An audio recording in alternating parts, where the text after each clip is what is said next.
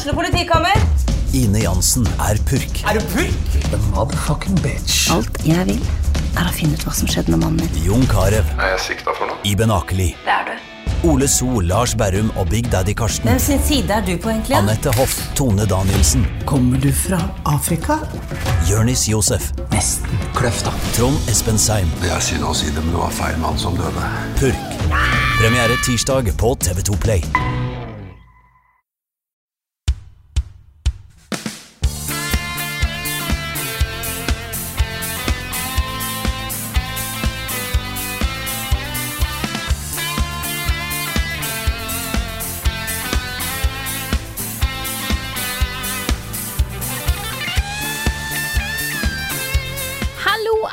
Og velkommen til en ny episode av podkasten Level Backup med meg, Frida Danmo. Og med meg har jeg selvfølgelig Karl Martin Hogsnes og Rune Fjell Olsen. Hallo, gutter, folkens. Hello. Hei Frida, hei Karl. Hvordan har vi det i dag denne torsdagsformiddagen? Det går ganske bra, selv om vi da ikke spiller Borderlands 3. Ja. I likhet med veldig mange andre anmeldere rundt omkring i verden.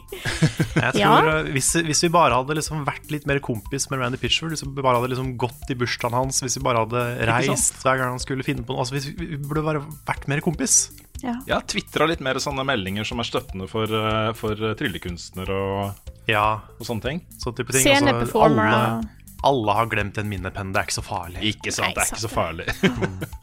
Nei, Det er litt sånn bonanza, det der, også, fordi uh, nå er det jo massevis av presse rundt omkring i verden da, som ikke har fått Borderlands 3, men noen har jo fått det. Noen har fått det, noen har sittet og spilt det. Og det er sanne situasjoner er liksom Det er ikke så veldig ehm, hva skal Man si Man blir liksom mest mistenksom da, på prosessene som ligger bak her. ikke? Hvem, hvordan har de valgt ut hvem som skal få lov til å anmelde Borderlands 3 for utgivelse, og hvem som ikke skal få lov, liksom. Og så er det en veldig sånn håndplukka prosess hvor uh, jeg er ikke helt sikker på om jeg hadde vært komfortabel med å være en av de som ble håndplukka av Randy Pitchford til å anmelde Borderlands 3, altså. Nei, nei, den er litt Nei. sånn Ja, det er en litt sånn Det er litt sånn tre- tveegget dette her. Mm. Da havner du i den gjengen som blir plukka ut for Ja. å være positive. Sa, sa du trega sverd? Tveegget. Å ja, tvega. Jeg begynte å lure på liksom tre... Hmm. Det sverdet har jeg lyst på. Ja. Nei, nei, nei. Du vet jo dette, Karl. Da skulle jeg sagt treeggersverd. ja, det er selvfølgelig Ja, ja, ja. Det, var, det var jeg som var dum der. Mm. Men um, Nei da. Men det, det minner meg litt om da altså Skyrim Definitive Edition. er jo prima eksempler på det. Hvor det var, Jeg tror det var én fyr, det var sikkert noen andre òg. Det var én fyr som fikk tidligkode. Og det det var da en sånn Bethesda-fan som brukte fem minutter, tror jeg, på å snakke om hvor utrolig ekte vannet så ut Mm. i den, i den anmeldelsesvideoen. Så um, han var jo relativt entusiast, da. Ja. Men det er jo sånn altså, man, Det er jo ingen som har krav på tidligkode, også uansett hva man gjør. Men det er den der forskjellsbehandlinga er litt sånn altså Ikke bare for anmeldere. Men folk, eh, det finnes jo massevis av folk på YouTube som lever av å lage guider, f.eks. Og tips og triks og walkthroughs og sånne ting. Og der har jo noen fått. Noen har jo sittet og levela karakterer og lagd masse innhold, mens andre store content eh, creators ikke har fått det, ikke sant. Så um, jeg skal, ikke, jeg skal ikke gå rundt og surmule for det. Jeg synes det, det er bare litt artig å liksom nevne at vi er i en litt sånn funky situasjon. Men om to uker så er det glemt, da. Da sitter jo folk og spiller Borderlands 3 og har det fett, liksom. Så Ja, Ja, sånn men det er er det jo Nei, fortsett. Ja, nei, men det er jo altså bra for alle hvis det er et eh, litt fair playing field. At hvis, hvis, hvis noen får, så burde jo flere få, på en måte. mm. Viktig å dele. Det er Eh, Sånn er, det når, sånn er det når vi ikke er entusiastiske nok eh, til den gjengen her. Men det da vi er entusiastiske om, da er Tiltcast 2.0. Mm. Så den, eh, den overgangen. Det der var en fin. overgang, overgang 2-0, eh, Frida. Overgang 2.0. Ja. Mm. ja, hva sier du? Pitch i vei eh, Pitch, sier jeg. Plugg i vei, Rune. Plugg i vei. Ja, jeg kan pitche også. Du Ja. bør liksom komme på Tiltcast eh, 2.0. Det er jo på da Tilt i Oslo den 6. oktober. Eh, vi er ikke lenger første podkast ut, det er Retrotimen. Eh, så da starter de også klokka halv ett istedenfor klokka ett. Eh, og så er det da Retrotimen først, og så er vi nummer to. Og det er hele dagen. Masse norske spillpodkaster. Mulighet til å kjøpe en, noe å drikke i baren og sånne ting. Det er ordentlig god stemning. Masse bra podkaster og skikkelig god stemning, så dette bør du få med deg. Og hvis du har lyst eh, til å vite mer, f.eks., eller eh, se hele programmet, eller eh, finne ut hvordan et eller annet, så kan du gå inn på Facebook og søke på Tiltcast 2.0. Da får du opp i eventet med alt du trenger av info. Og hvis dere har spørsmål til litt mer sånn organisatorisk rundt eh, dette her, med billettsalg og sånt, ta gjerne kontakt med de som måtte arrangere dette her. Ja, for vi har ikke så mye kan med det å gjøre direkte sånn. Mo mobiltelefonnummeret til Jon Cato Lorentzen er Så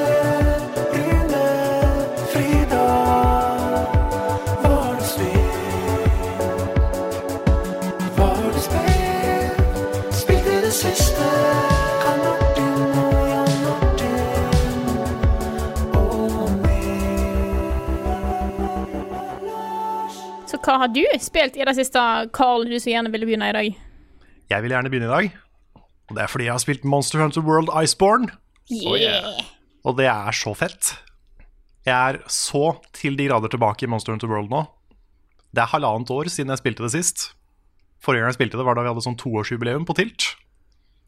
Eh, Det var forrige gang jeg liksom tok i det spillet, men nå er jeg tilbake. Jeg måtte lære meg det på nytt, og det var litt sånn Det var litt tøft. Fordi eh, Iceborne går ut ifra at du har jo aldri tatt pause fra Monster Hunter World. Så du blir jo bare kasta tilbake uh, i et eh, nytt kontinent der du skal slåss mot en svær snøhai. Selvfølgelig. Og dette er jo I Monster Hunter så er det sånne bossfights. Hele spillet er på en måte bossfights. Og de er jo ofte en halvtime lange. Så hvis du fucker opp for mye veldig tidlig, så, så kommer du dårlig ut. Og da, da blir det vanskelig. Men jeg klarte fighten, da. Det var bare veldig lite elegant. Så, så det, er, det er videoopptak jeg ikke har tenkt å vise til noen. Men, um, men det er utrolig gøy. Så fort, liksom, så fort jeg liksom kom litt inn i det igjen, fikk tilbake det gamle muskelminnet og sånn, så, så var det bare helt konge, altså. Det er få ting som er så gøy å bare sitte og spille som det Monster Hunter er. Spesielt hvis du får med deg andre folk. Det å være et team på fire. jo, vi testet jo det på stream i går. Ja, det gjorde vi. Fikk med et par fra Level Community. Og vi tok da noen, noen av de første bossene i, i Iceborne. Og det, er liksom, det blir jo mye mer gøy når man er flere. Uh, og så blir jeg litt, uh, litt mindre selvsikker på mine egne skills når jeg ser hvor flinke alle andre er. Men uh, det å liksom bare se at en har klart å mounte det monsteret, bare hoppe opp på huet hans, og så kommer det opp sånn derre awesome! Automelding fra alle de andre så føler man seg som kongen av verden, ikke sant. og eh, nei, det er bare den coop-opplevelsen. Det er bare å ta ut et sånt svært beist sammen. Det er ingen spill som gjør det bedre enn Monster Hunter. Altså. Det er bare helt eh, Og så er det så utrolig imponerende animasjon på de dyra her. Hvor du har sånne turf wars, som de heter. Hvor, eh, fordi du må jage det dyret her gjennom en, et svært område. Og noen ganger så støter du på andre monstre. Og de er ikke venner med han monsteret som du slåss mot. Så da begynner de å slåss. Og det er, det er ingenting i verden som er mer fuckings heavy metal enn å se de to bare go at it. Det er så, det er så fett. Og de har jo sånne custom animasjoner hvor du ser liksom at de tar tak i hverandre og bare slenger hverandre i bakken, og det er bare så stilig.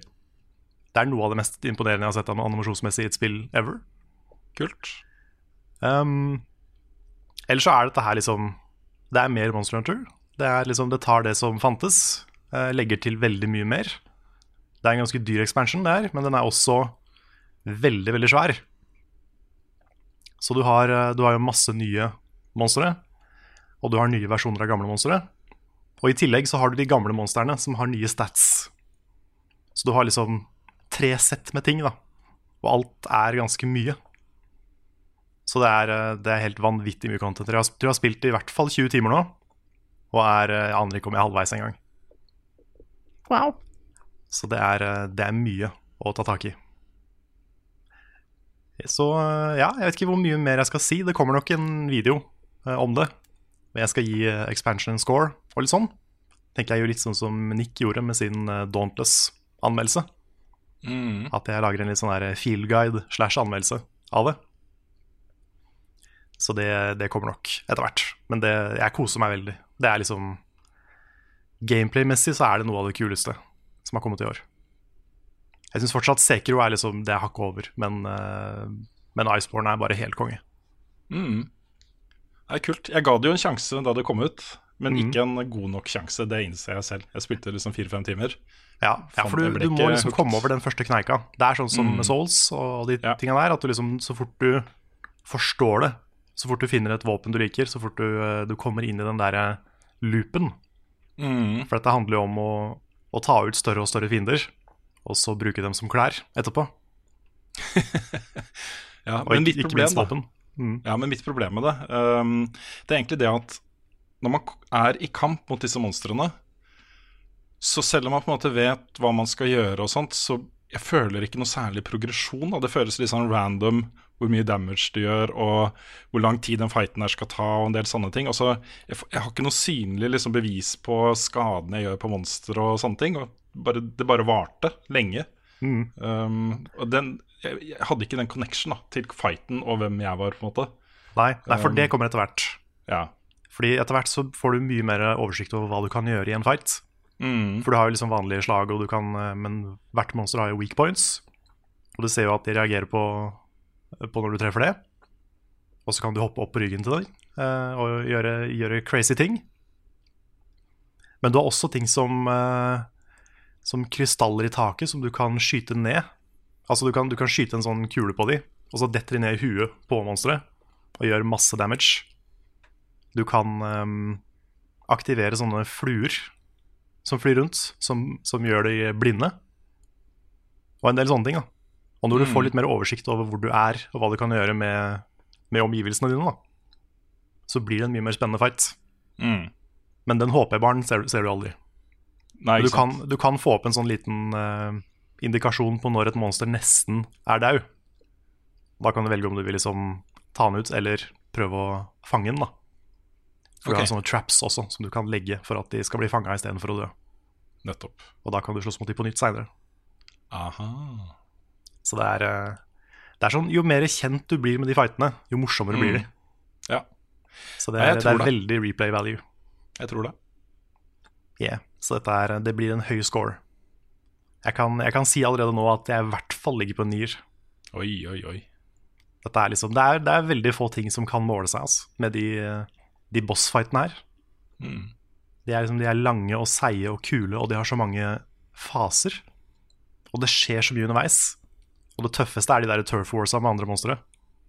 Det er bare, det er så fett. Mm. Så um, nei, jeg elsker det spillet her, altså. Det er bare, det gjør Monster Hunter World enda bedre. Kult. Så varmt anbefalt fra meg. Men bare vær litt tålmodig i starten, for det er, det er litt å sette seg inn i. Det er et komplisert spill som ikke alltid forklarer uh, hva det er og hvorfor det er gøy i starten. Så det tar litt tid å liksom bli kjent med det. Men er dette en standalone, eller uh, kan du hoppe rett inn i den som ny spiller? Eller må du Nei. da ha spilt Nei. Du må ha spilt eh, både low rank og high rank, som er Ja, på en story-moden i første Mm. utgivelsen. Ok, Så du må, ha, du må ha runda det for å komme til Iceborne. skjønner. Yeah. Men hvis ikke du har spilt i det hele tatt, så har du jo nå en, eh, en shitload med content. Mm. Det er 100 pluss timer med en gang. Det er så bra, for det er jo ingen andre lange spill som kommer Nei i da. Nei, nei, nei. Det er jo. Jeg hadde tenkt å spille Fire Emblem, men det, det blir vanskelig på en Ja. stund. Mm. Men ja, så kan jeg også nevne da, at vi har rakt ut en video hvor jeg har spilt eh, World of Warcraft Classic med Nick og Svendsen. Ja. Mm. Det, jeg trenger kanskje ikke å si så mye om det, men eh, i hvert fall, eh, i hvert fall så ligger det en video ute på kanalen vår med da de tre første timene. Kutta ned til ca. en halvtime, litt, litt mer. Hvor vi ja, dasser rundt gjennom de første timene av WoW. Nice. Så det, det er meg. Cool. Har du lyst til å fortsette, Rune? Det kan jeg gjerne gjøre. Eh, Jeg har da fullført eh, Gears 5. Det ble jo lansert da på tirsdag for, for alle. Jeg begynte på det rett før helgen med den fantastiske tjenesten Xbox GamePass. Jeg føler for å si det litt innimellom, bare liksom understreke hvor bra den tjenesten er. For ikke bare har jeg spilt Gears 5, men jeg har begynt på Gears 1 igjen. Den ligger jo der. Den Ultimate Edition eh, ligger jo der. Hele Halo Master Chief Collection ligger der. Altså, det er jo så mye, da. Og masse nye spill også. Um, så hvis du er medlem der, så vil jeg anbefale Hvis det er et nytt spill som kommer og du har lyst til å spille det, så sjekk først om det ligger der. For det er mange av de kule nye greiene som kommer nå, som også lanseres samtidig der. Så det har blitt en skikkelig god tjeneste. Men jeg har da fullført uh, storydelen i Gears 5. Kommer en anmeldelse der. Jeg håper å ha den klar før helgen også. Jeg har ikke lyst til å bruke altfor mye mer tid på det enn det. Um, som en liten sånn sneak preview, så kan jeg jo komme med noen uh, um, bullet points som jeg kommer til å gå inn i på anmeldelsen. Uh, det første er at dette er sånn Altså dette er Triple A blockbuster sånn som man forventer at det skal være. Altså Det er svært, og det ser dritlekkert ut, og det flyter bra, og det er 60 FPS, og alt er bare så svært, da.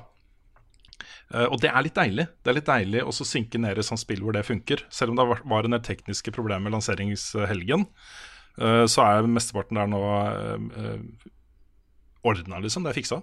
Eh, Så da flyter den biten greit også. Og Det er, det er digg å så spille noe som er Du vet det har sittet 500 mennesker og jobba på dette her og bare finpussa hver minste lille detalj, ikke sant. Og det føles litt godt.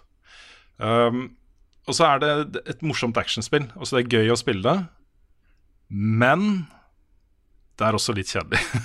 Det er også, ja, det er litt sånn det eh, Jeg vet at de prøver skikkelig hardt på å- få det spillet til å ta av for de som spiller det, og så vokse på en måte ut, eh, ut forbi den actionopplevelsen som de er så gode på. da Men de får det ikke helt til, for meg, da.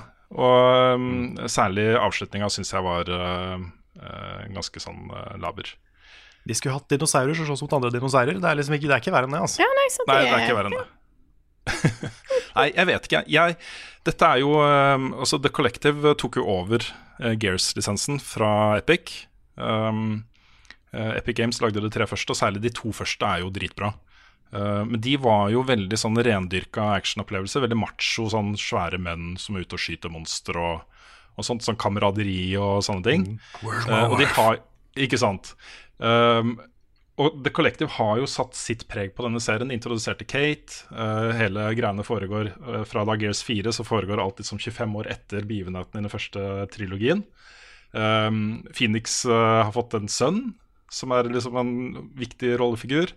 Eh, og det er liksom en, ny generasjon da med monsterslaktere som kommer inn. ikke sant? Men det er også en ny generasjon med spillere som spiller disse spillene. Og det er en ny generasjon med uh, spillmedier, rett og slett. Altså Ting har skjedd siden 2006, da, det første Gears-spillet. Og det reflekteres veldig i spillet. Men det er på en måte kjernen er det samme. Uh, og den har ikke endra seg mye, altså. Jeg kunne sette meg ned med Gears 1 og spille det på akkurat samme måte som jeg spilte Gears 5. Uh, det er masse sånn mindre justeringer, selvfølgelig, uh, men det føles veldig likt. Og når man gjør det, når man skal introdusere liksom feelings og mellommenneskelige relasjoner og sånne ting som, um, som man forventer å se, da, også i Triple A blockbuster-spill i dag, bare ta God of War som et eksempel på det, så eh, det er ikke, det er ikke lett, altså. Det er um, Hvis sånne som meg da lukter at dette ikke er helt sånn ektefølt, at dette er lagt inn som elementer for å få deg til å føle ting, så faller det korthuset litt sammen. Man kan fortsatt kose seg med det, eh, og det har jeg gjort. Eh, Ordentlig gøy å spille men det er ikke så storslagent som jeg hadde kanskje håpa på. Så jeg får prøve å utbrodere det litt mer i anmeldelsen eh, når den kommer.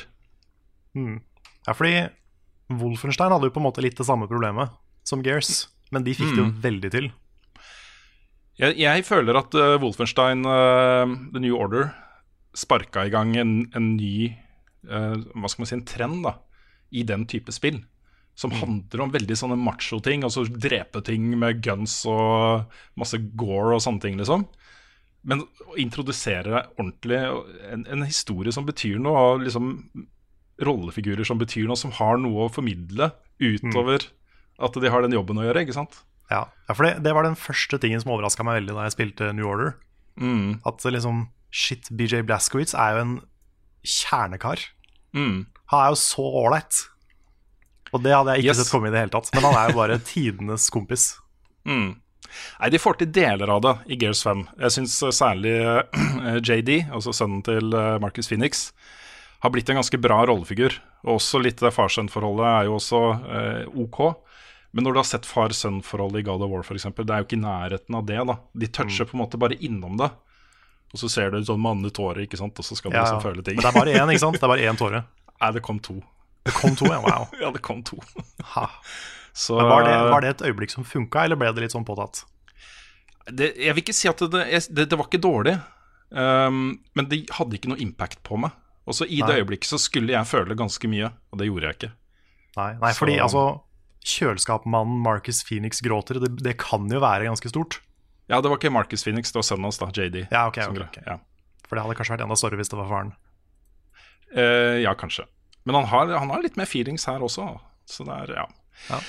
Greit, trenger ikke å snakke så mye mer om det, men det er et, et solid, svært actionspill. Og hvis du er en gearhead, hvis du har fulgt den serien her og elsker spillene, og de er det mange av, de som uh, kaster seg over hver nyutgivelse, og så spiller de det multiplayer helt til neste Gears kommer. Knock yourself out også. Det er masse å ta tak i her, og det er masse bra multiplayer-modus og kule våpen og bra action og, og sånne ting. Um, det bare traff ikke meg helt sånn. Ja. Så det OK. Det andre jeg har spilt, det er OK, folkens. Hva med et pikselgrafikk 2D Dark Souls? Og du har spilt uh, Blasphemous. Blasphemous, Yes. Wow. hvor du, når du har tatt en boss, så tar du av deg hjelmen din, så tar du hjelmen din borti der det blør fra bossen, fyller hjelmen med blod, og så setter du den på hodet. Metal. Ja, Det er så metal, det spillet der. Det er så metal. Ja. Eh, jeg koser meg skikkelig med det, og det er kjempegøy. Og det er vanskelig, liksom. Det er, sam altså, det er Dark Souls. Jeg kan ikke si det på noen annen måte enn det. Det er Dark Souls. De har de flaskene med helse og Du lager det på sånne bonfires, som i dette tilfellet er sånne slags shrines. Og det er liksom alle de elementene som Dark Souls har introdusert, finner du her. Mm. men det er i 2D, og det er eh, eh, Litt, litt mer rock'n'roll, litt mer rock'n'roll, vil jeg si. Også sånn i tone og stil og sånne ting. Men det, jo, det blir jo humor, da. Altså, det er jo gjort for å være morsomt. Ikke for at du skal sitte her Æsj, en hjelm full av blod! Æsj! Det er ikke det, liksom. Det er ikke det de prøver å oppnå. Men det er vel Er det ikke en ganske sånn seriøs, mørk story i det også? At, Jo da. eh, For det, ja. det, er, for det er ikke sånn humorspill, sånn som Nei, nei, det- er litt humor. Eh, det er ikke humor på den måten, men det er humor på mer sånn derre uh, Sånn Evil Dead-måte. Hvor uh, ti, at, at ting blir overdrevet til et punkt hvor det faktisk blir morsomt. Så jeg også, Du kan merke godt at utviklerne har sittet her og flira liksom, når de har kommet på hva man kan gjøre i den verden her. Ja. Uh, Men ellers så er det jo liksom Du har et countersystem, og du har et dodge-system, og du har alle de tingene som den type spill har. da Uh, Så du må spille det som et Dark Souls-spill. Og um, det er vanskelig, liksom. Jeg døde mange ganger på første bossen. Um, men jeg, jeg vil også si da at i og med at det er 2D, så um, er det kanskje litt lettere å bare lære seg movesett som skal til, og taktikker som skal til for å, for å ta disse bossene. Um, men, det- men det er fortsatt vanskelig. Ja, ja jeg tror eh, Nightmare King Grim would beg to differ i, i Hollow Nights. Ja, men det er rart også når, ja. Det kommer så mange av de. Du har Hollow Knight, og du har også Dead Cells, som Mm. uh, vil de si låner en del der også. Det, det har begynt å komme en del av de spillene der. Du begynner å merke at her har utviklerne vokst opp med Dark Souls, og det er kanskje det som har fått de til å ville bli spillutviklere og har lyst til å gjøre sin vri på en sjanger som de elsker, ikke sant.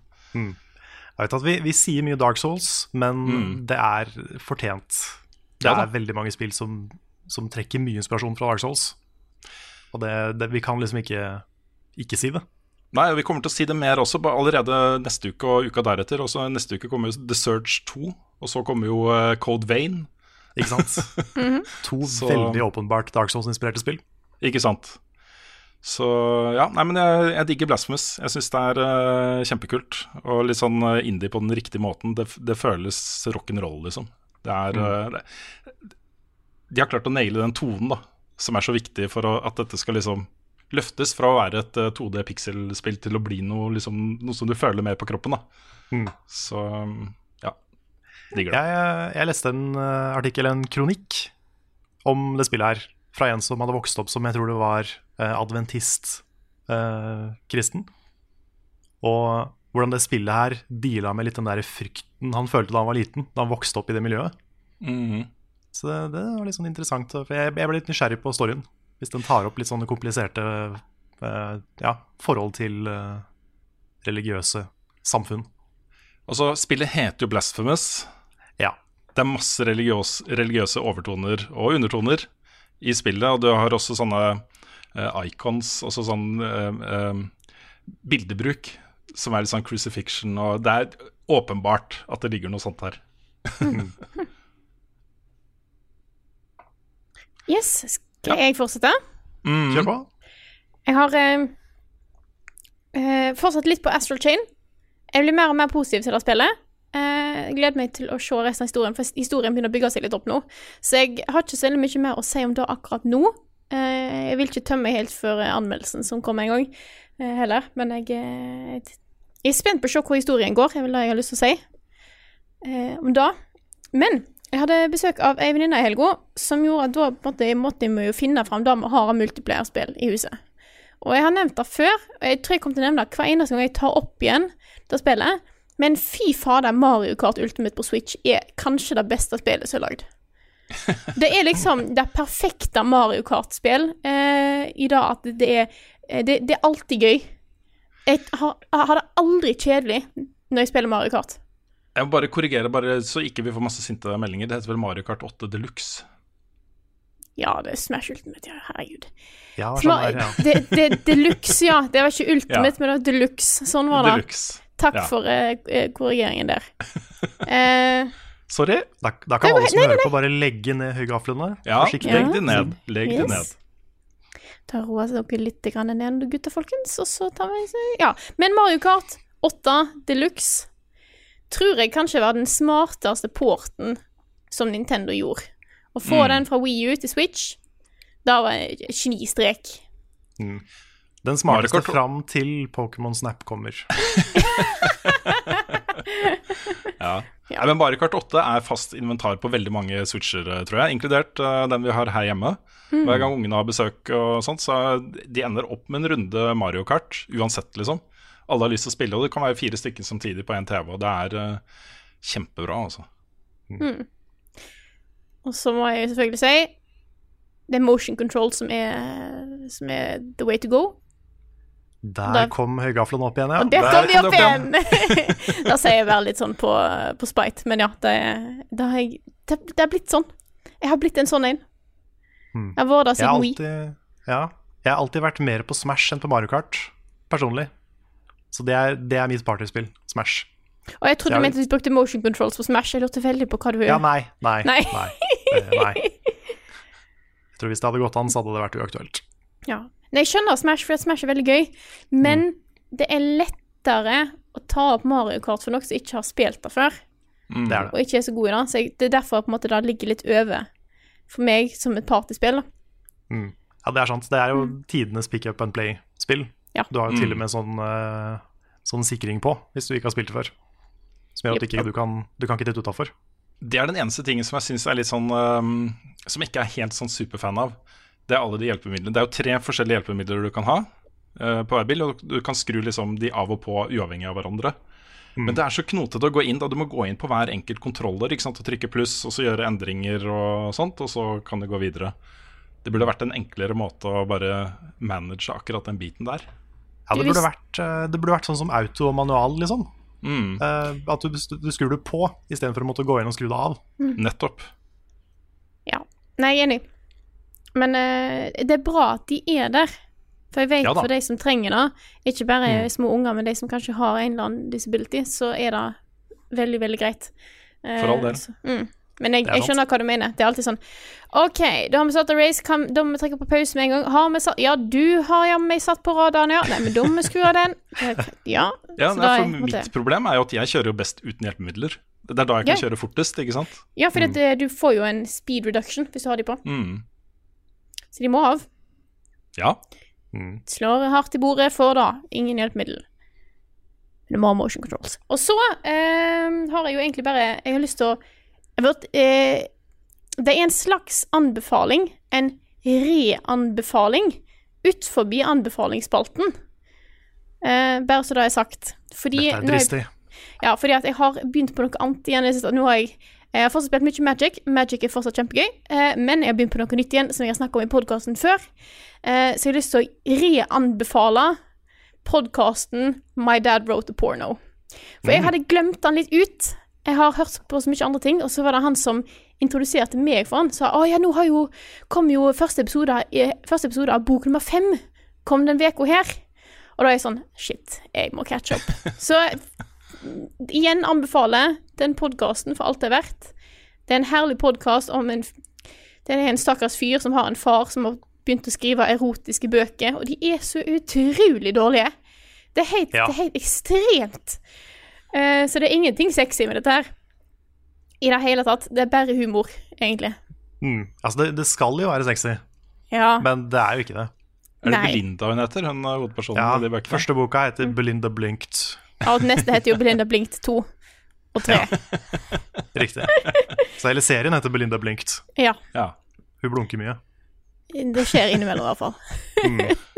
Og så er det veldig, veldig fine beskrivelser av menneskers kroppsdeler og sånne ting. Mm. Som er ekstremt lite accurate. Ja. Ja. Du kan på en måte bare se for deg hvis de fleste pappaer skrev en erotisk novelle. Det er sånn. Ukens anbefaling. Hva skal jeg?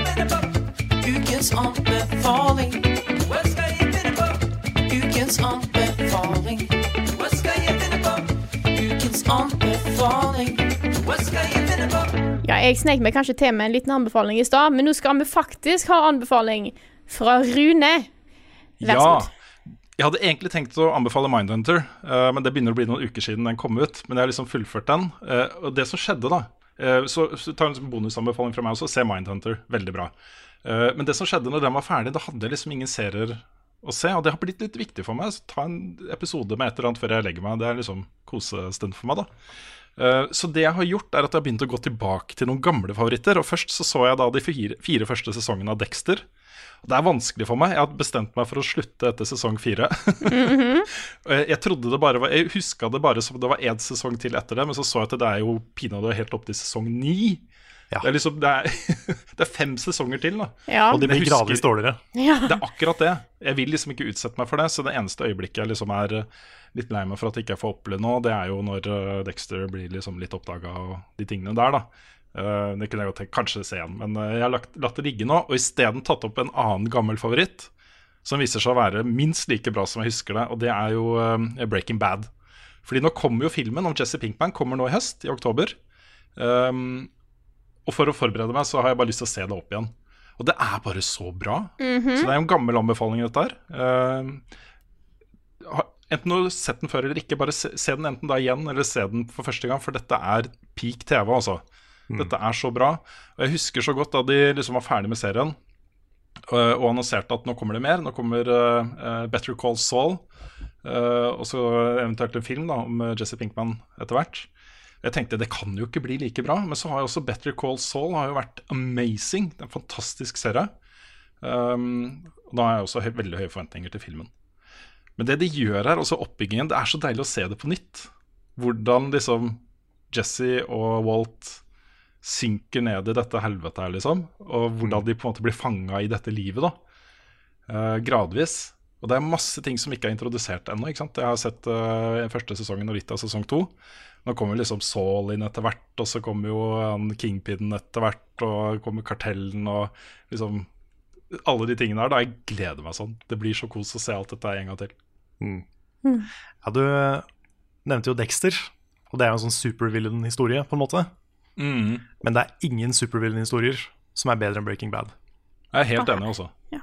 Det er Det er bare, fantastisk. hvis du skal skrive en historie om en person som starter god, og så gradvis synker ned i noe og blir noe helt annet, bare se Breaking Bad. Det er eh, Mm. tidenes eksempel på det. For en skuespillerprestasjon. Det er Ja, fra det, ja. hele sulamitten, egentlig. Ja. Um, men det er, uh, det er veldig godt skuespill, men det er også utrolig godt skrevne roller. Ja. Og innmari gode sånne enkeltscener. Og så er mange av de scenene som du kan ta ut som en sånn egen ting, og så studere, liksom. Fordi de er så godt kompos eh, komposisjon på det er så bra. Eh, eh, Skuespill og manus og liksom hvordan det er filma, alt er så bra, da. Eh, Så man, er man litt opptatt av den siden av å lage TV-serier og sånt, så er det så utrolig mye snadder her.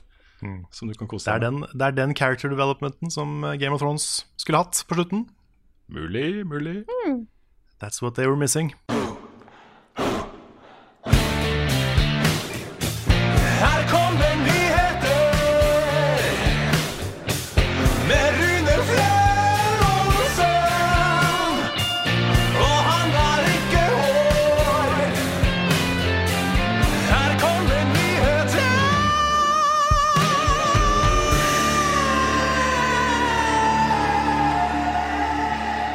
Det lanseres jo en eh, spilltjeneste i høst som heter Google Stadia. Den har tatt ganske mye oppmerksomhet. Folk har snakka litt om noen sånne ting. Men det er jo en annen spilltjeneste som lanseres i høst som folk har glemt litt å snakke om. Uh, og det er Apple eh, Arcade. Den ble jo annonsa tidligere år uh, og skulle komme i høst. Nå har Apple hatt den svære pressekonferansetingen de har, hvor de annonserer massevis av nye telefoner og iPader og iMac-er og alt mulig rart. Liksom. Men uh, nå annonserte de også lanseringen av Apple Arcade. Og Det er den 19. september. Eh, Det vil være en abonnementstjeneste som koster rundt eh, 50 kroner i måneden.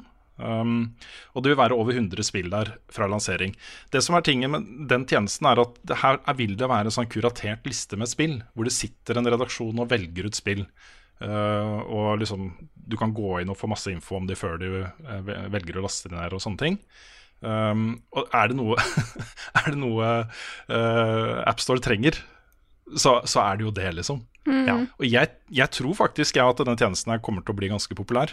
Fordi det var for det første uh, utrolig mange hva skal man si, lovende spill da, uh, som sto på den lista, inkludert et uh, lite norsk bidrag, Skate City, som jo delvis utvikles av Agens her i Oslo.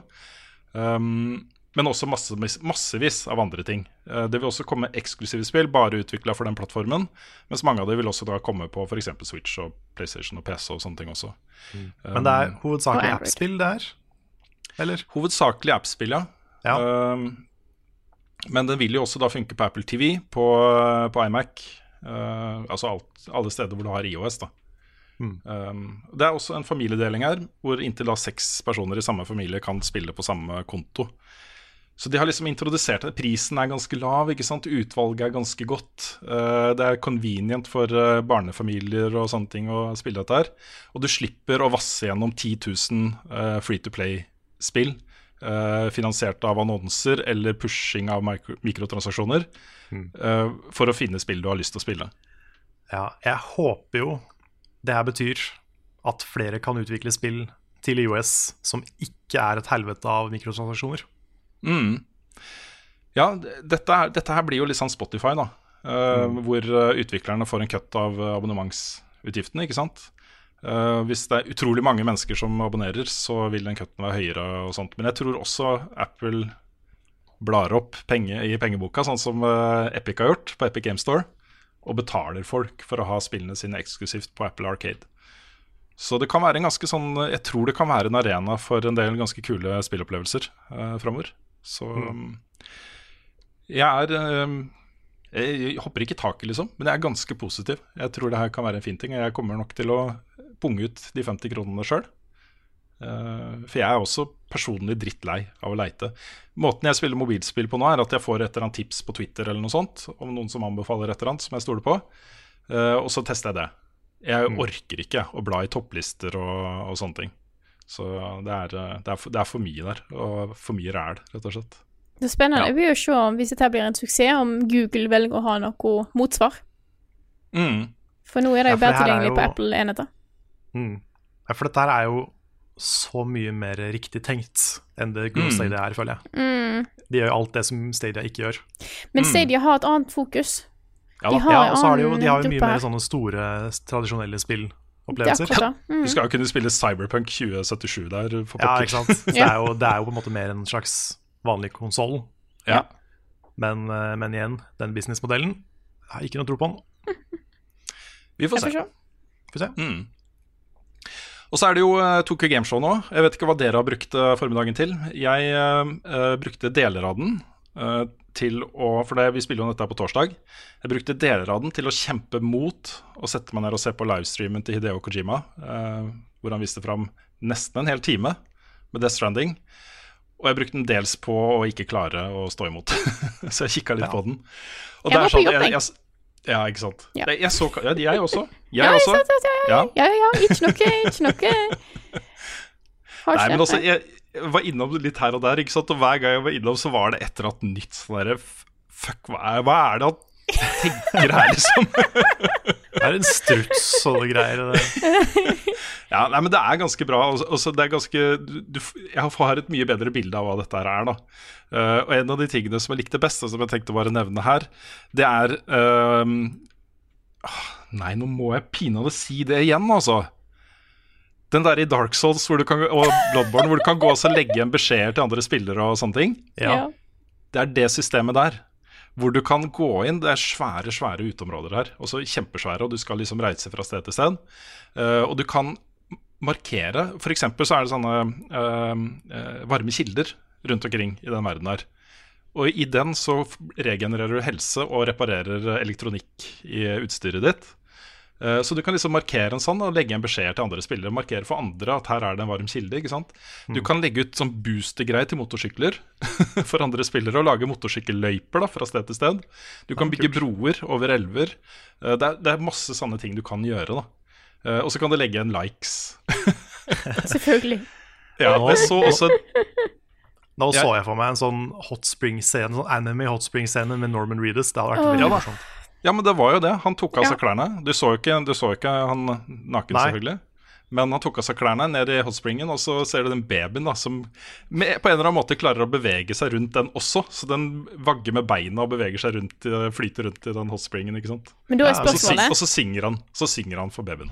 Men da er spørsmålet Er det like cute som da å være i en hot spring i Monster Hunter Iceborne sammen med katten din? Nei, det er det ikke, ass. Nei. Da er, Det er, da hadde vi oppdaga det på stream i går. ja. Fy fader, ass. Det er noe av det koseligste jeg har sett i hele verden. Men jeg må ta et eksempel til også, fra den streamen. um, fordi du, det var en sånn sekvens hvor uh, uh, Sam blir fanga av den, disse her hendene som går på bakken. um, og blir transportert på en måte til sånn bossfight-arena. da Et bossfight-område. Hvor det var en proper bosskamp, liksom. Du måtte dodge og skyte, og du kunne drepe den bossen og sånne ting. Men under den fighten, midt i fighten, så dukker andre spillere opp fra liksom vannet og kaster ammo og helse til Sam. Og står der liksom og jubler med hendene og klapper og ja. Det er herlig, det er herlig, ikke sant? Det er kult. Det er kult. Ja. litt cringe. Jeg, merker, jeg merker tematikken Da det. Liksom, det handler jo om å bygge broer og, Ja, Ja. og sånn. Så det er jo, det er, det er jo tematisk Ja, ja, ja. passende. ja, ja. Ja, det som er, det er også blitt sluppet da en sånn briefing, eh, briefing-video, hvor uh, uh, hun rollefiguren som jeg ikke husker hva heter i farta, uh, forklarer liksom hva Sam skal gjøre. Og han skal jo reise da fra østkysten til vestkysten og reconnecte communities som har blitt separert. Det har blitt satt opp et nettverk tidligere da, mellom disse communityene og byene, uh, men det er ikke aktivert, og det skal du gjøre. da. Du skal reise fra by til by, connecte landet uh, igjen, sånn at menneskeheten reddes. Altså, du skal redde USA, og gjennom det da redde verden, på en måte. Fra denne trusselen, da. Ikke sant. Så ja, det var Death Stranding. det kommer snart. Det kommer litt mer info eh, om det spillet også utover, for han har en livestream nå hver dag. Eh, han hadde en i dag, skal en i morgen og en på lørdag. Så eh, hvor det skal annonsere og så avdukes nye ting, da. Um, det har kommet et par andre nyheter fra Tokyo Game Show. Eh, Det har kommet en ny Final Fantasy 7-trailer. Og det, Ja, det det, var en sånn trailer. det var en trailer, altså. Den var, det var noe av det sjukeste jeg har sett. Altså, den, den viste jo eh, alle de tinga som jeg var redd for at de skulle kutte. Mm, Uh, og jeg er, så glad, jeg er så glad for at ikke de har gjort det. mm. Fordi eh, det er jo eh, mange som har glemt hvor weird Final Fantasy 7 egentlig er. Blant annet så er det en, en, en sekvens tidlig i spillet hvor uh, da uh, du er Cloud og Tifa og Earth, uh, litt sånn på lag. Og eh, Cloud må kle seg ut i drag for å forføre en pimp. og det har de hatt med her. Det, det er, Ja. De viser klipp fra det i den traileren her. Og jeg er så glad for at ikke de har kutta det. For det er, sånn, det er en del av Final Fantasy 7. Det er ikke bare den der mørke, dystre sci-fi-historien. Det er også mye rart. Og mye herlig dialog, da. Og så Det var så mange kule one-liner og dialoggreier i den traileren. Sånne ting som jeg bare begynte å glise av. Og fun facts, uh, i hvert fall, det ser veldig ut som Jeg, er ikke, jeg har ikke 100% sjekka det, men jeg er 99% sikker på at han halliken, han pimpen, spilles av Mark Hamill. Å ja. Kult. Det også er herlig. Det er, det er kjempegøy. Han Han ser jo så utrolig disgusting ut, så det er perfekt. Nei, det, er, det, det, det så jo ut som et komplett spill, dette her. Selv om det bare er liksom første kapittel i Final Fantasy 7-sagaen. Så eh, tror jeg den her ble laga for å gi folk et inntrykk av at uh, folkens, det kommer til å være fett å spille det spillet. Det er masse Det er masse å finne på, det er masse å gjøre. Ja, Det- Men det var også nye characters som mm. dukka opp, som ikke har vært med før. Eh, og det var nye bossfights. Så de har jo tenkt veldig nytt her. Mm. Det er jo ikke den samme Altså det er ikke de samme tinga Det er nok den samme historien, men det er veldig forskjellig gameplay, ser det ut som. Mm. Du får helt andre minigames, du får helt andre bosser. Helt andre ting som skjer i forskjellig rekkefølge. Mm. Mm. Lanseres eh, 3. mars 2020. Det er kanskje til og med sånn at jeg kommer til å spille det, for jeg syns det her så så gøy ut. Ja, ja men altså, det er jo ikke turn-based. så- Jeg er jo hyped. Mm. Det, altså, hvis, altså, hvis vi får laga en Final Fantasy 7 spoilercast Jeg er down, altså. Ja. Jeg har lyst til, jeg har lyst til å være Jeg har lyst til at Final Fantasy skal bli en sånn ting som alle spiller. Det har vært kult. Ja, vi vi liksom prate om vi det i podkasten. Jeg vil Ikke committe til det ennå. Nei, det er greit. Jeg skal, jeg skal Um, nudge litt. Vi har jo nevnt det tidligere også, at eh, Capcom er i ferd med å annonsere et nytt spill. Det ble jo da sluppet flere detaljer om det under eh, Tokyo Gameshow. Eh, Det heter foreløpig Project Resistance, og de sier at det er ikke endelig navn på spillet. Og de sier en del andre ting som jeg syns er litt interessant, for de sier jo også at det er ikke sikkert de kommer til å gi ut det spillet her. Nå skal de kjøre en lukka beta-test som det er mulig å melde seg på eh, fra 4. til 7. oktober. Basert på tilbakemeldingene de får fra spillerne, så skal de ta en beslutning om de skal gå videre med spillet eller ikke. Det de sier da er at de må eh, fornye seg, de må lage nye ting. eh, De må finne på nye greier, eller dø. Det er det de sier, da. Så dette er et forsøk på da å introdusere et nytt type spillkonsept uh, som en del av arsenalet deres, rett og slett. Um, det det da er, er jo et uh, asymmetrisk multiplayerspill hvor fire spillere styrer hver sin rollefigur, som er fanga i en sånn eh, umbrella uh, installation, altså et svært um umbrella-bygg. Og så er det da en mastermind som skal legge ut hindringer i veien for dem. Som kan gå og liksom velge hvilke monstre som skal komme, og sånne ting. Og som også kan eh, ta styringa av eh, Tyrant.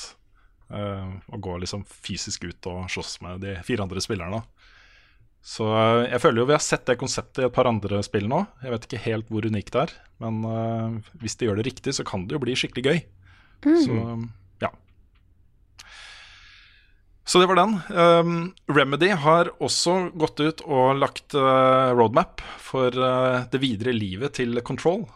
Og det her er litt funny også. Det her er kult.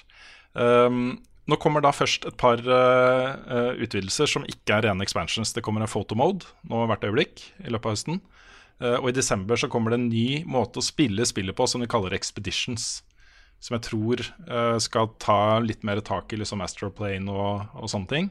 Um, men da er det også da i 2020 planlagt to store DLC-er, også expansions, som tilfører masse nytt innhold. Uh, Den første heter The Foundation, men den andre Den andre heter AWE, AWE eh, working title, med uh, logoen er liksom Alan Wake, da. Så det viser seg da at Alan Wake og Control deler samme univers. det syns jeg bare da jeg så det, så var det sånn Selvfølgelig gjør det det. Dette er dritfett. Dette er dritkult. Wow. Men hvor kommer Max Payne inn? Ja, det er visst links der også. For eksempel altså, han som er første Han som er directoren når du kommer inn i spillet, han spilles jo av han som spilte Max Payne. Ja, Så, men om det er noen fordi sånne han må jo komme inn med øyelapp. Og så I'm putting together a team. Ja. Du kan gjøre det. I dette universet så er alt lov. Du kan gjøre det. Du kan gjøre det. Det er så kult, altså. Så ja. Get on it, guys. Spill Control.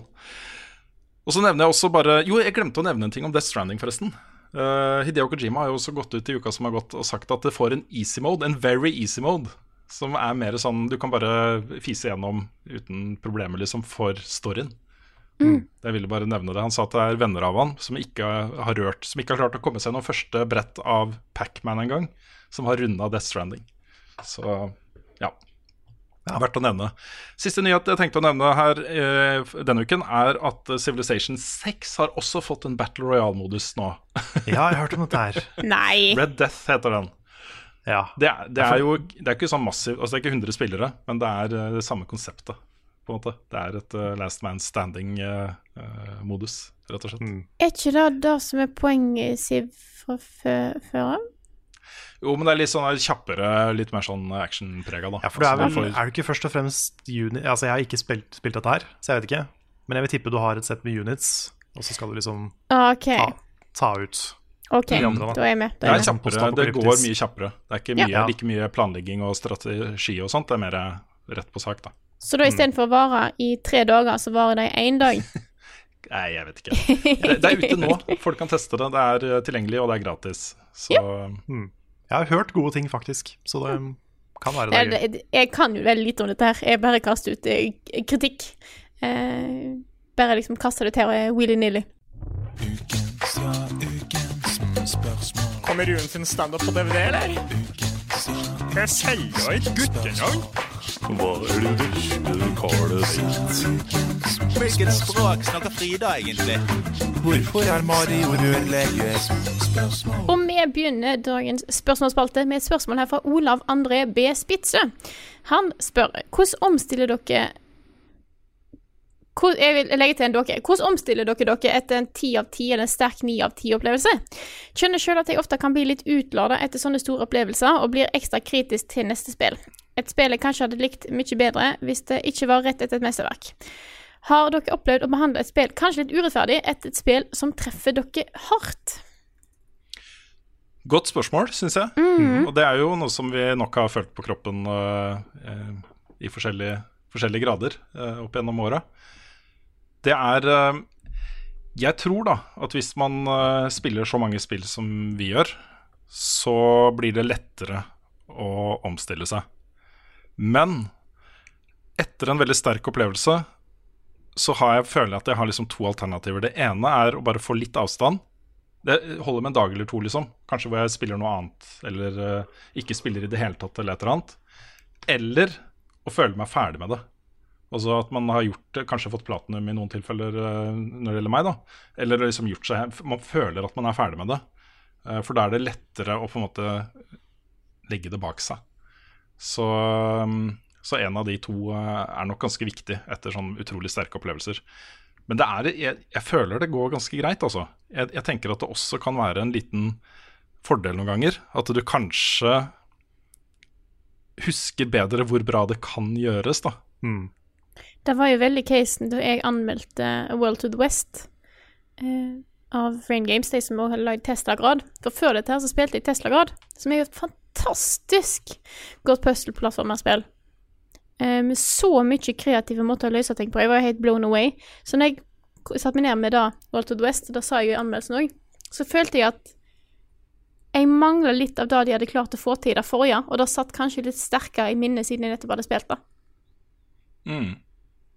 Men generelt, når jeg får, hvis jeg har en veldig veldig sterk spillopplevelse som på en måte treffer meg veldig, så føler jeg meg veldig tom etterpå.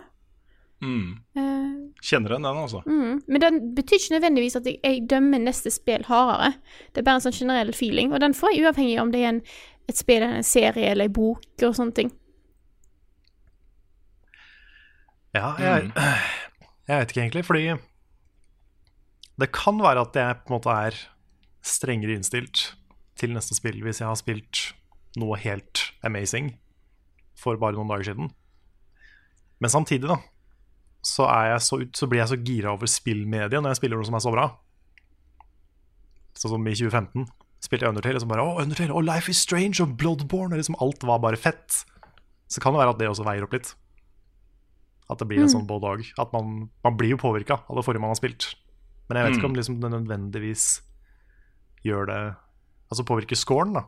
Jeg tenker at de tingene kanskje balanserer hverandre litt ut.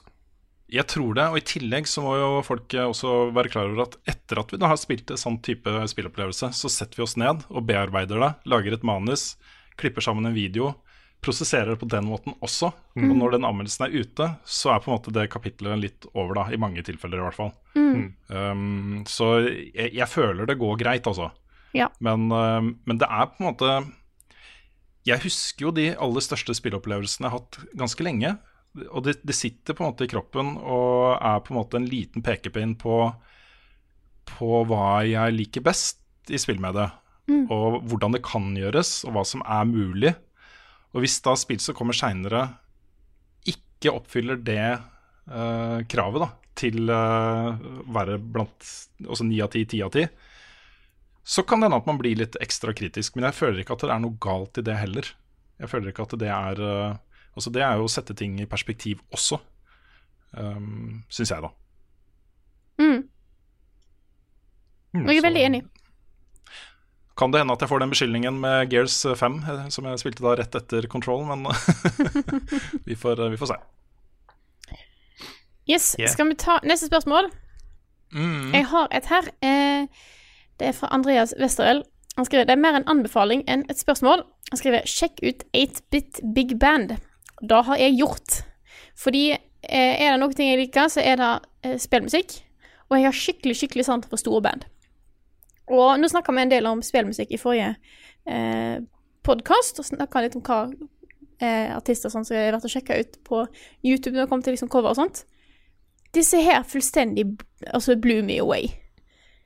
Eh, så jeg, dette er en videreformidling av en anbefaling, rett og slett, av eh, den som han kom med, med Andreas Westervel. Fordi høyere produksjonskvalitet på en sånn type cover Nei, ikke cover, men sånn type eh, gimmick-band som dette her har, altså 8-bit big band, har ikke jeg vært borti. Det er snakk om fullt storband med altså tidenes besetning. Det er ikke liksom bare sånn en trompet og en trombone og en saksofon, liksom. Det er full, fullt orkester. Ordentlig proffe, skikkelig, skikkelig dyktige musikere. Eh, de som har skrevet arrangementene, er bare helt amazing. Eh, for det er så ordentlig og godt laga. Hvis du har litt sans for storband, sjekk de ut. Jeg fant de på Jeg vet jeg er ganske sikker på de er på Spotify. De var i hvert fall på Google Play. De har òg en YouTube-kanal. De har så mange kule eh, spillmusikk-covers, altså. Det er helt ekstremt. Så, eh, mm, så anbefales. Nå er jeg litt ekstra glad i storband fra før av, eh, men eh, Jesus Christ, dette var bra. Jeg må også Så- skyte inn et par til, Mhm. som ikke jeg nevnte forrige uke. Ja. Det er Erutan Music. Hun har mange sånne fine vocal covers. Og så har vi Nate Wants to Battle. De to også er veldig, veldig bra. Så hvis du vil ha litt mer, litt mer vocal spillmusikk, så sjekk ut de to. Nice. Jeg må jo bare si, når jeg var inn på uh, 80 Big, Big Band, så fikk jeg anbefalt på Google Play eh, Mariachi Entertainment System, som er da en gjeng som spiller altså spillmusikk i kun sånn mariachi-band-cover-stil. Nice. Eh, det går an å bli litt lei av den stilen etter hvert, men det var, det var kult nok at jeg har lagt noen av de inn på eh, med ekstremt lange spillmusikklister nå. Så, eh, Det er sånn som man kan dra fram som en sånn innimellom på et party, ikke sant? Ja. Så de har I- i et bryllup. eh, Ja, eller bryllup. De har et par Mm. festlige, eller sånn Giles Theme fra Street Fighter 2 og Dr. Wiley og litt sånne, sånne kule låter. Så eh, det òg eh, anbefales. Og så gir jeg dere mulighet til å komme med et spørsmål. Ja.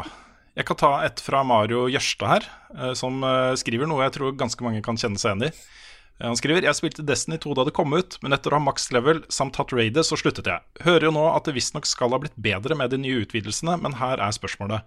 Er det noe vits å begynne å spille igjen og investere mye tid i spillet hvis Destiny 3 er like rundt hjørnet? Eh, parentes neste år? Spørsmålstegn. Eh, side note, Bakgrunnen til mitt spørsmål er fordi jeg er usikker på om jeg har nok tid innimellom skole, jobb, serier og andre spill å sette av til Destiny for å, for å i det hele tatt komme gjennom alt content før en eventuelt oppfølger kommer. Um, des, den sidenoten er på en måte det viktigste her. Også hvis du skal spille et sånn type spill, eh, og du skal spille fordi du har lyst til å spille raids f.eks., så må du, må du være forberedt på at du må sette av en del tid. Det er ikke sånn at du bare kan spille raidet.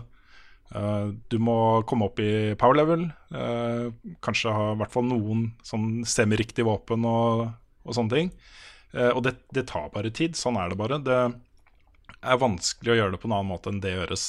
Men når det er sagt, så um, er på en måte målet til Destiny nå, eller til Bungie, da, uh, med Shadowkeep som kommer nå, det er å gi folk som Mario muligheten til å ta del i endgame-content uten å bruke like mye tids som man måtte, tid som man måtte før. Så det vil være flere måter å komme seg til eh, max power level på. eh, og akkurat hva det er, det er litt uklart ennå. Men uh, de prøver. Og så nå kommer New Light, som er gratis. Um, og målet deres tror jeg bare er å liksom At man må fortsatt spille ganske jevnlig, men at man lettere kommer seg til power-capen. Så um, jeg vet ikke hva jeg, om jeg kan komme med noen klar anbefaling på om man bør spille nå eller vente på Destiny 3, men jeg, det er ingen som vet om det kommer noe Destiny 3. Uh, muligens så skal de nå bare utvide på det Destiny som er nå, uh, med expansions, istedenfor å gi ut helt nye spill. Men det vet vi ikke ennå. Det får vi nok vite sånn ut i 2020 en gang. Så, så svaret mitt er egentlig bare er, Har du lyst på et grindespill, så er nok Destiny et godt valg. Eh, hvis du ikke føler at livet ditt er eh, klart for et grindespill, så bør du holde deg unna grindespill. Vil jeg si. Ja. Enkelt og greit. Yeah, Carl, skal jeg ta et spørsmål? Mhm. Ja, det er et spørsmål fra Håkon Skarpnord. Han sier dere har fått en litt løsere arbeidsdag ved, et- enn ved tiden i VG. Påvirker det hvordan dere gleder dere til helga? Jeg må først si nja.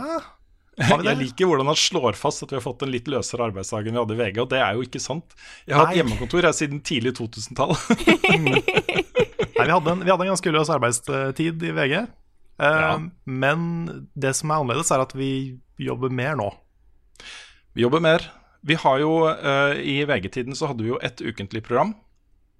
Eh, og dagen før innspilling var det ofte ganske mye stress, også på innspillingsdagen. Det å sy det sammen og sånne ting. Men resten av uka, de andre fem dagene i uka, var jo mye løs, eh, ikke mye løsere, men de var løsere enn det er i dag. da. Eh, nå har vi jo spilleuka hver tirsdag, vi har podkasten hver torsdag. Vi har livestream hver onsdag. Og innimellom der så skal vi lage da det som ville vært av innslag i et ukesmagasin. Mm. og bare publisere det når de er klare. Så jeg mener ikke at vi har en løsere arbeidsdag. Nei, det gjør jeg ikke. Nei, ikke jeg heller. Men det, det jeg hadde lyst til å si, da, fordi resten av spørsmålet var påvirker det hvordan dere gleder dere til helga. Og jeg har en liten utfordring der, fordi jeg må tvinge meg til å ikke jobbe i helga. Mm. Og det er, så, det er jeg veldig dårlig på. Uh, fordi vi har hele tida deadlines. Vi vil gjerne få ting ut så fort som mulig. Vi vil gjerne at ting skal komme og være mest mulig aktuelt. Så det å ikke jobbe hele tida er veldig vanskelig. Mm. Og det er jo farlig å gjøre det for lenge. Så eh, det er en sånn ting jeg prøver å bli bedre på. Bare tvinge meg til å ta noen fridager. Mm. Og det er eh, vanskeligere sagt Det er lettere sagt enn gjort. Ja, men det er sånn også, Jeg har snakka veldig mye om TV-serier de siste ukene og månedene. Det er et eh, veldig aktivt, bevisst valg jeg har tatt. da Å tvinge meg sjøl til å gjøre noe annet jeg syns er gøy, som ikke har med spill å gjøre. eh, bare for å ha no, noe annet, da. Så Ja, for det, vi var så vidt innom det på streamen i går, eh, jeg og Nick. Etter at du gikk, Frida. Mm. Om, om det der med å liksom, hvor viktig det er å ta pauser. Fordi når man har det gøy på jobb, altså når man er engasjert i det man jobber med, så, så merker man ikke at man blir sliten. Mm. Og det kan være farlig. Kan det. Så, så det er liksom Den største forandringa siden VG, det er at jeg har prøvd Altså, jeg må jeg har begynt og må bli flinkere til å ta mer pauser. Fordi Mm. ellers så jobber vi hele tida. Det er en grunn til at jeg hadde en pause, uh, anmelderpause et par måneder i vår. Yep. Og det er jo akkurat da. Det er det er jo litt fordi at jeg Når jeg har fri fra jobb, så jobber jeg med level up. Så jeg har en annen situasjon. Mm. Så jeg er sånn Yes, helg! Da har jeg masse tid til å jobbe med level up-ting. eh, så det er jo en veldig annen setting, da. Eh, men jeg tror hvis jeg hadde jobbet med det fulltid, så hadde jeg måttet på en måte vært mye strengere med meg sjøl. Og da merker jeg jo òg, fordi jeg har jo ikke en fast arbeids... Jeg har ikke nødvendigvis fast arbeidstid på jobb. Jeg har Jeg får ikke times betalt. Eh, og det er veldig lett for at en jobber mer enn det en skal. Så jeg, push, jeg pusher veldig på at jeg på en måte ikke skal eh, jobbe spesielt så mye i helgene.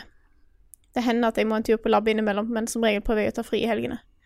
Eh, og på en måte holde den litt viktig, da. Samtidig, samme på ettermiddag. Jeg var liksom veldig mye Jobba mye på ettermiddagene i fjor, og da eh, sleit meg helt ut. Så eh, veldig sånn når jeg drar hjem fra jobb nå, så jeg kan svare på et par e-poster her og der, og hvis det er noe som haster, så er det en ting, men ellers så tar jeg fri. Mm. Så det er viktig. Men jeg tror den derre muligheten og evnen til å ta seg helt fri tror jeg kommer til å være viktig for de aller fleste av oss. Og viktigere og viktigere egentlig i tiden framover. Uh, F.eks. Altså, mobilfrie soner i hjem og mobilfrie tidsrom og sånne ting, liksom, tror jeg kommer til å bli ganske vanlig. da. Eh, fordi selv om, selv om det er sosiale medier og det oppleves som liksom underholdning, da, at man bare ser morsomme bilder og ser de morsomme tingene som vennene dine legger ut og sånne ting, eh, eventuelt legger ut ting selv og følger med på om å få likes og kommentarer og sånt. Det er en sånn tidstyv som sitter og gnager hele tiden, eh, og som folk merker ikke at eh, det har en innvirkning på, på livet deres. Nei. Så jeg, har å, jeg sitter jo med den telefonen sjøl, ikke sant. Um, Altfor mye. Jeg har begynt å tenke tanken også, at den burde liksom bare bli plassert et sted i en boks på kjøkkenet, liksom. Mitt tips, som jeg, jeg syns har hjulpet meg veldig, er å skru av all lyd, inkludert vibrasjon, eh, og legge den med skjermen ned på Mm. enden av bordet, eller en annen plass. Sånn at du ikke ser på den engang. Hvis den ligger med skjermen opp, så dukker det opp eh, I hvert fall min telefon har jo på en måte sånn idle-skjerm som viser alle ikonene og sånt. Eh, men skru av lyd, for da hører du den ikke heller. Eh, og da slipper du den der jeg har Det har helt stoppa med den der følelsen av sånn Å, nå tror jeg telefonen min vibrerer. Nei, det var ingenting. Den har jeg ikke lenger. Og da Ja. er en fin ting, altså. Fantomvibrering. Mm, så ja. ja, det hender at det går et par anrop eh, Mm. fra mamma som går ubesvart. Men eh, da er jeg på en måte Da klarer jeg meg. Uten. Men det er jo folk som mener at liksom um, I praksis så har vi blitt uh, keyborger allerede, da. At Mm. vi har på, en måte- altså Den mobiltelefonen er en extension av oss selv. Og vi kan liksom bruke den til å finne oppskrifter og eh, sjekke været i morgen. Alt, alle ting vi lurer på, er der i hånda vår, rett foran oss hele tiden. Um, og det er, det er en stor sånn filosofisk debatt også, da. Og så um, eh, er det på en måte menneske 2.0. Eller det blir jo kanskje 10.0 eller et eller annet. Men eh, 20.0, jeg vet ikke. Men er det en ny versjon av mennesket vi ser? Skal vi omfavne den forlengelsen av oss selv, eller skal vi liksom kjempe mot den? Ja, jeg har jo um, nevnt det før. eh, mitt forhold til Jeg, jeg får et liksom mer og mer anstrengt forhold til sosiale medier. Og jeg merker at uh, det er liksom, det er nådd et sånt punkt nå hvor når jeg hører en notifikasjonslyd, så får jeg en litt sånn uggen følelse. Og det er et tegn på at liksom nå, nå er det too much. Skru av all lyden. Jeg tror, kanskje, ja, jeg tror kanskje jeg skal følge det rådet ditt, Frida. Mm. Det høres smart ut. Jeg har, Yes. Skal vi ta et siste spørsmål? Så har jeg Ta et, uh, Jeg kan bare sjekke at jeg ikke har noe. Du kan få lov. Det går greit. Ja, okay. kan, kan jeg også ta et siste etter det? Ja, da skal jeg jo ta Ja. et. ja, ok. Ok, ok. Ja, Da tar vi hvert vårt. Ja, Ja. da begynner jeg. Ja. Jeg har et kjapt et her eh, eh, fra Martin Herfjord. Det er et dilemma. Måtte rope alt dere sier, eller bare kunne kviskre? Hviske. Hviske. Jeg tror jeg roper alt fra før av, nesten. Eh, jeg vet jeg snakker høyt. Jeg tror kanskje det var bare kviskre på en måte Jeg, greit. jeg kjenner folk som snakker høyt. Du snakker ikke så høyt, altså. Nei, det Nei. Da Hvis man hvisker, ikke sant, så vil jo kanskje folk automatisk også bare la deg være mer i fred. Det er, å foretrekke. Ja. Men du kan jo ikke gå på fest, da. Nei, det er jo et problem. Kviskring tærer jo òg veldig på stemma. Ja da. Men det gjør nok roping òg. Ja, og da hadde du bare blitt sett på, altså eh, eh, Som litt rar, tror jeg. Mm. Ja, for jeg, jeg vil heller være han som så er det bare litt lavmælt, sant? mm. jeg, vil jeg vil heller være han mystiske som hvisker, enn han rare som roper. Mm. Eh, ikke altså Nå, selvfølgelig eh, Han rare som roper. Jeg vet at noen har Tourettes, og det er en ting. Og det har jeg full forståelse for. Det er, det er lov. Det var ikke, ikke, ikke ment mot de. Yes, Da kan nok neste person ta et spørsmål. Herfra. Ja, Ja, skal, skal jeg ta mitt, eller skal du ta ditt, Karl? Nei, det er opp til deg. Jeg er med på hva som helst. Jeg kan ta den, jeg. Det er fra Martin Rismo. Hva er deres favorittmusikkband? Arian. Hmm. Mm. Laga Jeg av har- Arjen Antony Lucassen. Fantastisk fyr. Yes. Jeg har ikke sånn nummer ett, nummer én favorittband. Jeg, det, det vil si, jeg har alltid det, men det endrer seg. Også det er lange tidsperioder, da, på kanskje to, tre, fire år, hvor det er mitt favorittband. Det har vært Pink Floyd, det har vært eh, Alice in Chains, det har vært Prince, det har vært Depeche Mode, eh, U2 Det har vært mange av de opp igjennom. da. Så mitt favorittband akkurat nå er Moderat. Jeg er veldig glad i Moderat. Jeg har hørt uh, de tre albumene deres i hjel. Ble aldri lei av dem. Uh, så det er mitt favorittband akkurat nå. Jeg har ikke egentlig noe svar på det. Jeg hører jo mest på soundtrack-musikk. Så ja. Jeg har liksom ikke noe sånn ordentlig forhold til band. Jeg finner sanger jeg liker. kanskje? Favorittkomponist er også vanskelig. det er så mange. Men um, Toby jeg sier pass. Pass. Ok.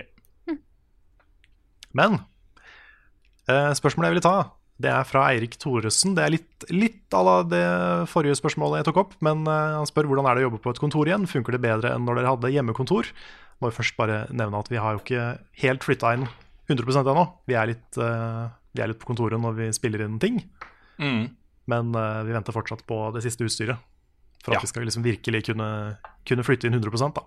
Mm. Men, Men vi har jo vært på litt møte med, med gamer, og Mhm. har et par helt konkrete prosjekter som vi har begynt å jobbe med. Så sånn sett så har det jo tilført noe som er ganske spennende. Det er en type innhold og kanskje også en inntektsstrøm som eh, vi ikke har toucha innom eh, før. Det er helt sant. Mm, så det er veldig spennende. Det er, en, det er en spennende mulighet der. Og det er mye Mm. folk som jobber på gamer, som er flinke til ting vi ikke er flinke på. Nettopp. Og det er kjempebra. Men Mm. det er en del to her.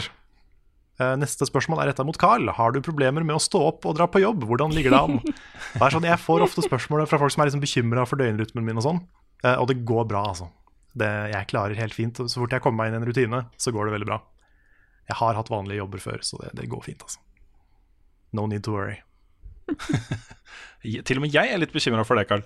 Ja, men det går fint. Det Jeg er er, altså er veldig forsiktig, er veldig veldig forsiktig med å sette opp møter som er før klokka ti på dagen og sånne ting. Ja, sånn, ja. Nei, men det, det går fint. Altså, det som er vanskelig, det er å måtte stå opp tidligere enn vanlig. Men hvis det blir Ja. vanlig, så er det ikke noe problem. Ja. Så det, Ser du den? ja. Når man får en litt mer sånn eh, satt i stein arbeidstid, så blir det mye lettere å stå opp. Mm. Det er den der vagginga som er vanskelig. Ser den. Mm. Mm. Men, men da- don't worry, guys. Jeg, jeg klarer meg, altså. Det er godt å vite at det går bra, Karl. Mm. Og med det så har jeg lyst til å eh, plugge superkjapt, siden vi tok den lenger på starten. Tilkast 6. oktober. Be Vær there. snill og kom, det blir veldig hyggelig. Ja. Det blir kjempekoselig. Mm. Og så vil jeg også si tusen, tusen takk til alle dere som støtter oss på Patron. Dere er fantastiske folk. Vi kunne aldri klart oss uten dere, og dere har vært med oss i over tre år. Det er jo helt insane. Ja, tusen takk. Og jeg vil også bare understreke at uh, ikke tenk at vi nå får vi litt andre inntekter fra andre ting. Det er uh, fortsatt livsviktig at uh, vi har den støtten på Patreon. Ja. Altså, dette, dette er bare Vi er på en måte i minus, så de lille ekstra summene vi tjener nå, er bare for å få oss på null. Ja. Så kjempeviktig. Så tusen takk. Tusen takk. Tusen takk. Og med det så sier jeg tusen takk for oss. Takk for at du hørte på denne episoden her av Level Backup, og så snakkes vi igjen neste uke.